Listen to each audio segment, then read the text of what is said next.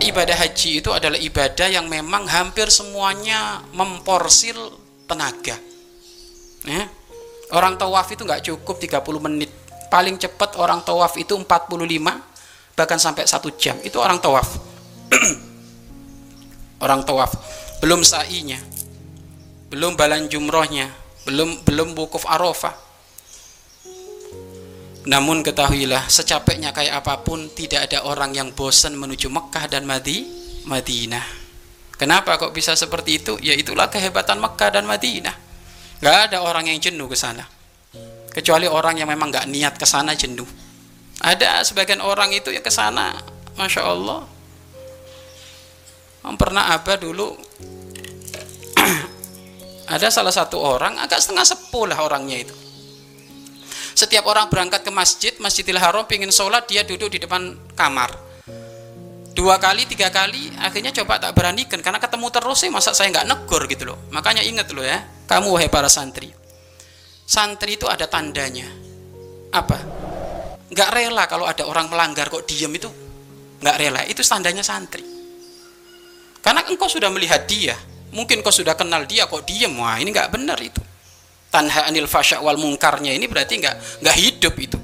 Maka karena saya melihat dia itu setiap saya mau ke masjid kok dia pasti nongkrong ada di depan pintu tak berani kenanya.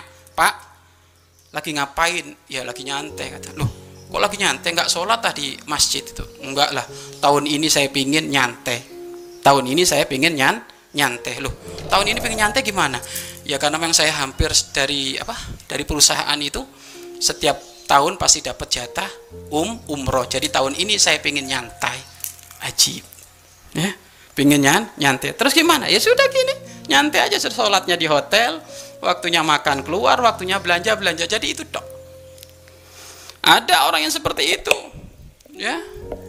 Ya kalau orang seperti itu ya kita doakan. Mudah-mudahan segera tobat belum orang ketemu Ka'bah aja nangis nak.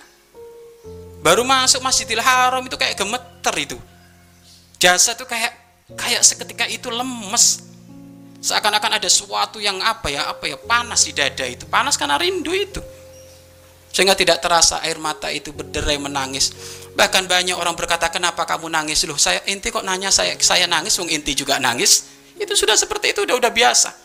Kenapa? Karena daya tariknya Ka'bah Bukan Ka'bah yang warna hitam itu yang menjadikan menjadikan orang menangis, bukan di situ tapi sambung imannya kepada Allah dan kepada Nabi Muhammad sallallahu alaihi wasallam.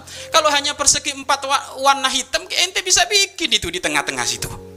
Hanif coba bikin di situ di situ Ka'bah ente, tapi siapa yang nangis?